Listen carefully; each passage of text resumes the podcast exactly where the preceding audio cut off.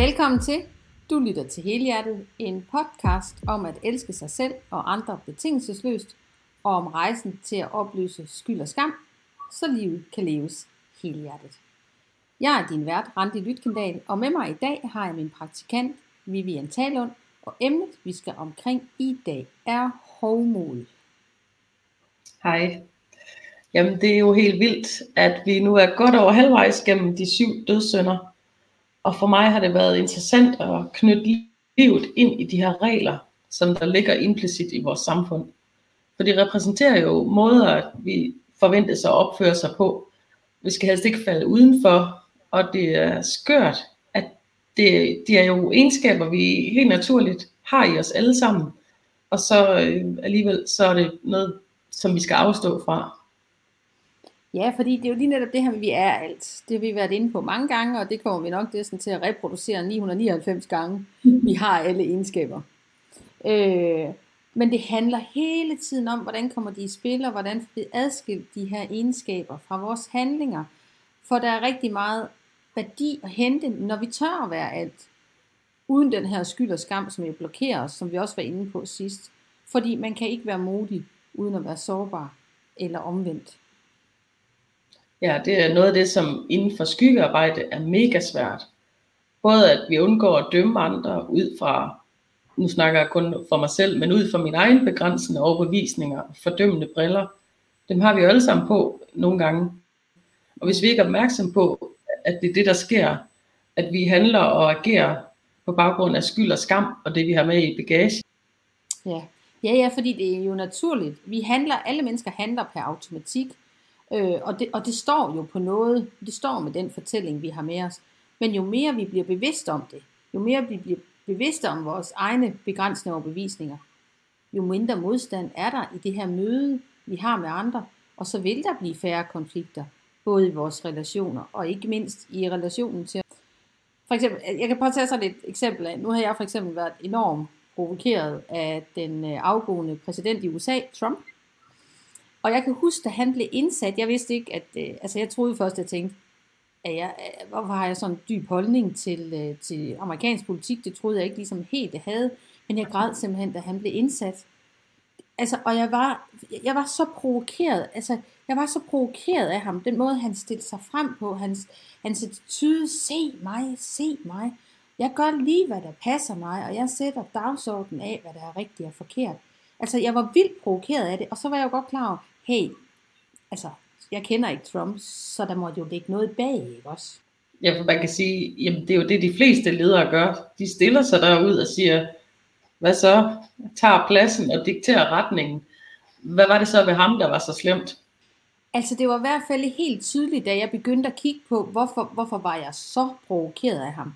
Og det var sådan noget som egenskaber, som han var enormt selvscenesættende, og den her egoisme og grådighed, mangel på respekt for andre mennesker, og så hans hovmod. Mm. Altså, øh, og det var jo fordi, at det var egenskaber, som jo ikke var integreret i mig på det tidspunkt. Og derfor så kom der den her for, øh, voldsomme følelsesmæssige reaktion, fordi når vi reagerer så voldsomt på noget, som jeg gjorde, både, altså jeg var dybt ked af det. Jeg kan simpelthen huske, hvor jeg stod, og på et tidspunkt af døgnet, hvornår jeg åbnede fjernsynet og så det. Altså, jeg havde voldsomme reaktioner. Så handler det jo noget om mig. Ja. Så, så hvor i dag, der kan man ryste på hovedet af de her egenskaber, for jeg tænker, nå ja, okay, det kan jeg også, og vi sidder her. Det er da selv i scenesættende. Vi sætter os ud og siger, at vi har noget på hjertet. Øh, men det bliver så vigtigt, at vi får adskilt handlingerne fra de her egenskaber.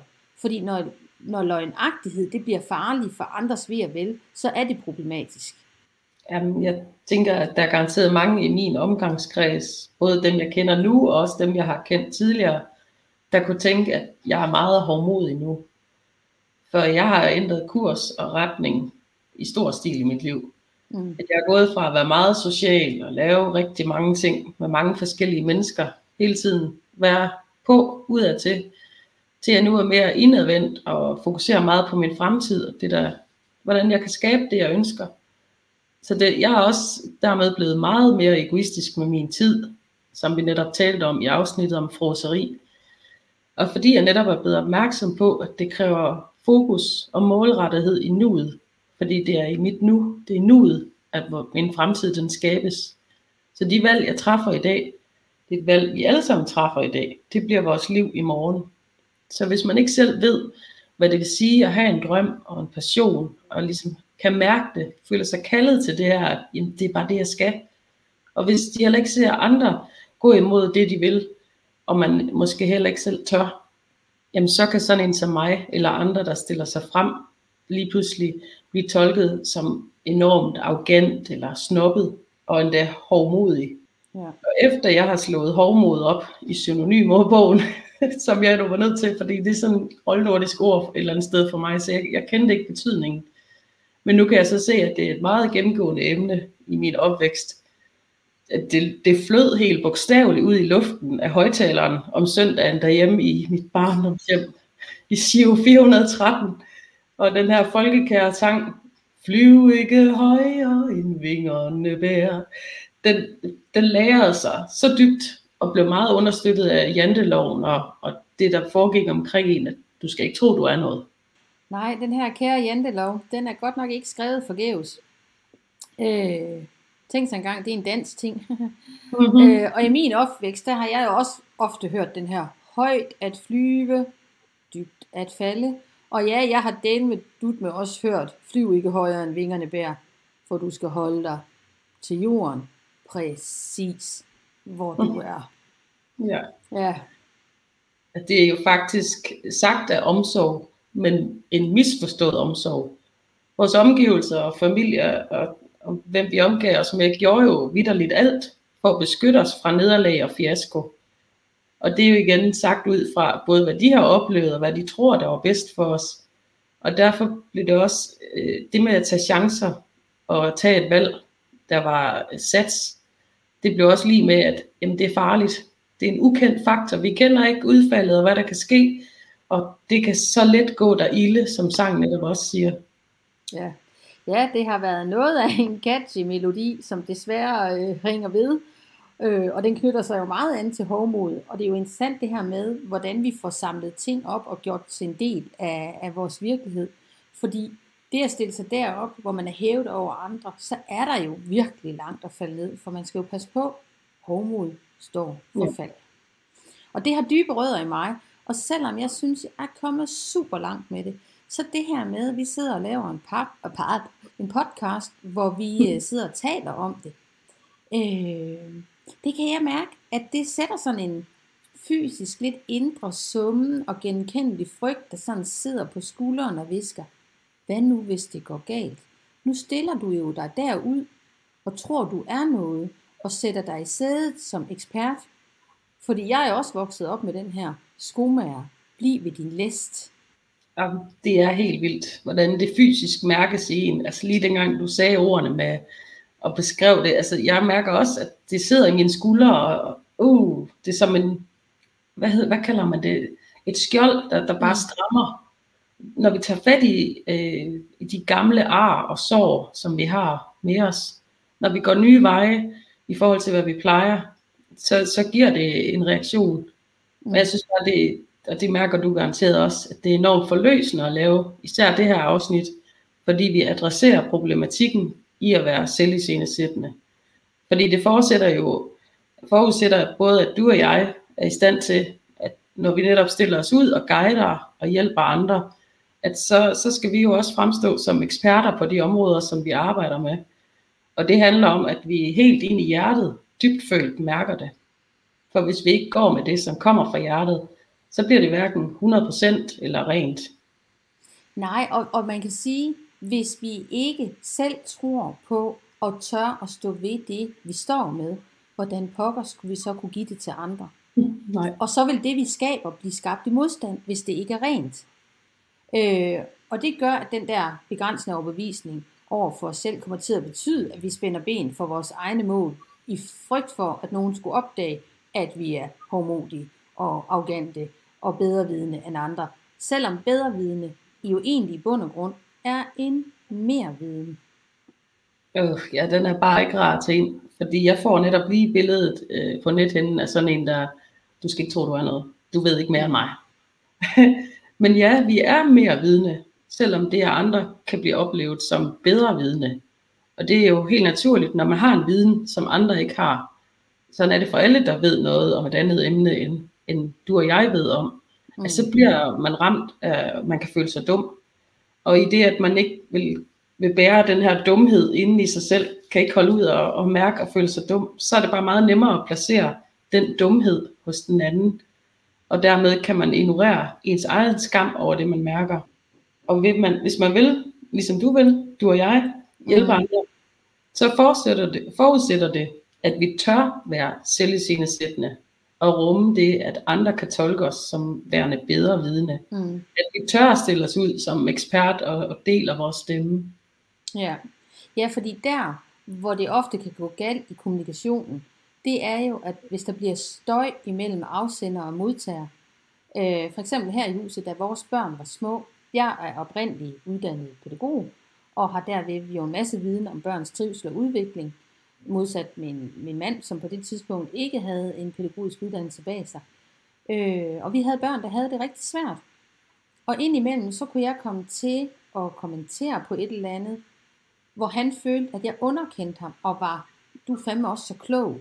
Øh, ja. og, og han virkelig havde oplevelsen af, at det var bedre vidne, men hvor intentionen til enhver tid, det var at hjælpe og dele den her mere, mere viden og den erfaring, jeg havde. Men det har den dut med været meget konfliktfyldt, fordi at, at jeg havde jo en viden om, hvordan noget kunne gøres på en mere hensigtsmæssig måde, men fordi der blev den her støj imellem os, og der ikke helt altid blev forventningsafstemt, hvad er det faktisk for en viden, vi bringer i spil? Øhm, så det var i hvert fald helt tydeligt, at det var nødvendigt at få afstemt. Det handler jo om, at modtageren også skal være klar til at lytte og tage budskabet ind. Bare fordi vi har en stemme, er det ikke ens betydende med, at, at den bliver taget godt imod, eller taget imod efter den hensigt, vi havde. Og derfor bliver afstemningen i kombinationen mega vigtig. Ja, og den stemme og viden, som vi deler med dig, altså som vi sidder og deler her, Vivian, og som vi deler med dig, kære lytter, den deler vi jo med de bedste intentioner om, at, at, at det, ved at vi tør at stille os derud, så giver det plads til, at andre også kan gøre det. Vil det betyde, at der er nogen, der synes, vi er for meget og irriterende at høre på? At vi er for selviscenesættende, for opmærksomhedskrævende eller for selvhøjtidlige? Ja, det, det vil der. Der vil altid, det vil være et grundvilkår. Altså grundvilkår, når man stiller sig derud, når man går ud og er som leder, når man stiller sig på en frontpost, hvor alle kan se en, så sætter man sig selv i spil og sin røv i klaskehøjde. Men, men, men er jeg i ro med at være, være der, hvor jeg stiller mig, så rammer det mig ikke i samme grad, hvis nogen påpeger mig, at jeg er X, Y, Z, E eller O. Det rammer mig først, hvis jeg tager det ind og gør det til min virkelighed. Det er jo netop interessant her i, at grænsen mellem det positivt ladede selvværd og hovmod, da hovmod jo lige netop er kendetegnet ved overdreven selvhævdelse, og det kan man også godt sige, at vi gør nu. Altså, og vurdering af, om det er det ene eller det andet, det afhænger jo af, hvem det er, der ser på mig, og vurderer mig, og hvad dømmer de mig med. Altså, man dømmer jo med det, man selv kommer med, med forudindtagelser og farvede briller. Og der kan også ses tråde til sidste afsnit om misundelse. Nu skal du ikke lige komme for godt i gang. Øh, og hvis jeg tager den dom til mig, og tager det ind som, uff, ej, det er nok også rigtigt, jeg skal nok også lige pakke mig lidt væk, jeg har nok også fyldt lidt for meget. Så sætter jeg altså min eget lys under en skæppe. Og det har jeg simpelthen gjort det meste af mit liv. Det, det er bare slut med det. Altså, det kan jeg lige så godt sige. Og det er bare så befriende at gøre op med det, og lade mit indre lys skinne. Ja, og det er jo lige netop det, man snakker om, at tage sit lys, når vi snakker skyggearbejde. Fordi, og når vi arbejder ind i skyggearbejde, der bliver det vigtigt, at vi kigger på det her med, hvad egenskaberne betyder for os og ikke ud fra den her konkrete definition i en ordbog. Nu ved jeg godt, du snakkede om det her, man slår op i en synonym ordbog, for lige at, uh, lige at få fat i nogle ord. Øh, men, men når skyld og skam skal opløses, og vi skal undgå at sætte vores lys, som du siger, under en skæppe, så bliver vi nødt til at kende, hvad er betydningen for os? Hvad rammer det i os for at tage fat derfra? Fordi det kan den helt konkrete ordbog ikke gøre for os. Og, øh, og det ændrer sig efterhånden som der bliver mere og mere plads til lyset. For eksempel, jeg bliver ikke længere så ramt af Trump eller andre, der tager pladsen, fordi jeg genkender det i mig selv. Men omvendt også, ved at jeg kan genkende, genkende det i mig selv, så kan jeg også give plads til, altså når jeg ikke bliver så følelsesmæssigt grebet, så kan jeg give plads til at se bag om den adfærd, som den enkelte kommer med. Og så skabe en forståelse for, okay, jamen så, mm, når jeg nu har den her indsigt, så kan jeg måske godt forstå reaktionen, hvorfor den kommer, som den gør. Trods de her forskelle, vi kan have, og uenigheder. Og det er hvad delen om det er børneopdragelse, eller politik, eller øh, markedsføring. Altså, så er det egentlig ikke så interessant, hvad det er for et emne, vi snakker om. Men det handler mere om at have en grundlæggende forståelse for, at vi alle gør det bedst, vi kan. Ja, for hvis man ikke hviler i sig selv, og har et behov for at gemme sig fra det, som man også har inde i, i det, som vi ikke kan fremhæve nok. Altså, vi er alt. Vi har alle egenskaberne inde i os. Så kan det nemt få en impuls til at skyde med skarpt efter den eller de, der stikker ud. Eller dem, der gør noget, som man egentlig gerne selv vil ønske, man turer. Så kommer der et klassisk eksempel på mobning jo frem. Det her med, at man har brug for at hæve sig på andres bekostning den vrede og frustration, som man føler indeni ved at se den her, lad os sige, jeg kiggede på dig, Randi, og jeg egentlig selv sad med en drøm. Jeg vil bare ønske, jeg turde lave den her podcast. Så er det også nemmere at sidde og påpege og fremhæve alle de fejl, der nu måtte være, end at, at mærke inde i mig selv, okay, hvad er det faktisk, det rammer i mig? Så ved at man ikke ved, hvad man, hvordan man skal forholde sig til den her vrede og frygt og frustration, så er det meget nemmere at kaste efter dig, eller hvem det nu end kan være, der stiller sig ud i lyset. Og dermed så har man så fralagt sig ansvaret for at tage sig af det, hvordan man egentlig selv har det inde i. Om det så er mindre værd eller usikkerhed. Frygten for at blive forladt. Frygten for, at andre opdager måske, at når jeg er ikke så sej, for eksempel hvis vi snakker skole, vores eksempel. Øh, og især hvis jeg kan få andre med på den, og bagtale, uh, så føler jeg mig jo ikke så forkert. Og så er det jo kun mig, der gør det. Og det er faktisk vildt interessant, at det vi slader om, når man sidder og har noget rigtig saftig sladder, det fortæller jo faktisk rigtig meget om det, vi ikke selv vil være med. Og gennem vores sladder, så deler vi egentlig vores egen foragt over for os selv. Ja, og det er jo så sjovt, at, at når man egentlig forsøger at flytte fokuset over på nogle andre, så hæng, altså, og vi tror jo i derved, at man gemmer sig så tager man egentlig sine sure underbukser og vender vrangen ud og viser hele verden. altså, og det er simpelthen så skørt, og når man først opdager det, så tænker man, hver gang man skal til at sige noget. Det jeg siger nu, hvad fortæller det egentlig om mig? Har jeg egentlig lyst til at sige det højt, ikke også? Jeg skal lige være sikker på, om det er noget, jeg har integreret i mig selv, inden jeg begynder at snakke om det. Ja. Fordi, ja, fordi vi kan tage ansvar for vores egenskaber og handlinger, når vi skiller dem ad. Fordi når vi gør det, når vi gør det, så er der simpelthen sådan en stor gave i at tillade sig selv at være hårdmodig. Fordi deri der ligger meget drive og meget målrettethed.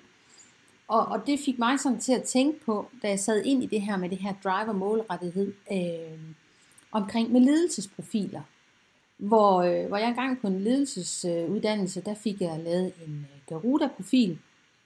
Og vi skulle så gennemgå de forskellige typer, og jeg havde fået lavet min profil, og jeg sidder med den vi sidder i sådan en gruppe og snakker, og så fordeler min profil sig sådan med to af polerne i hver sin ende. Jeg er meget, meget blå, som sådan er kendetegnet det omsorgsfulde, og det empatiske, og nærværende, og det rummelige.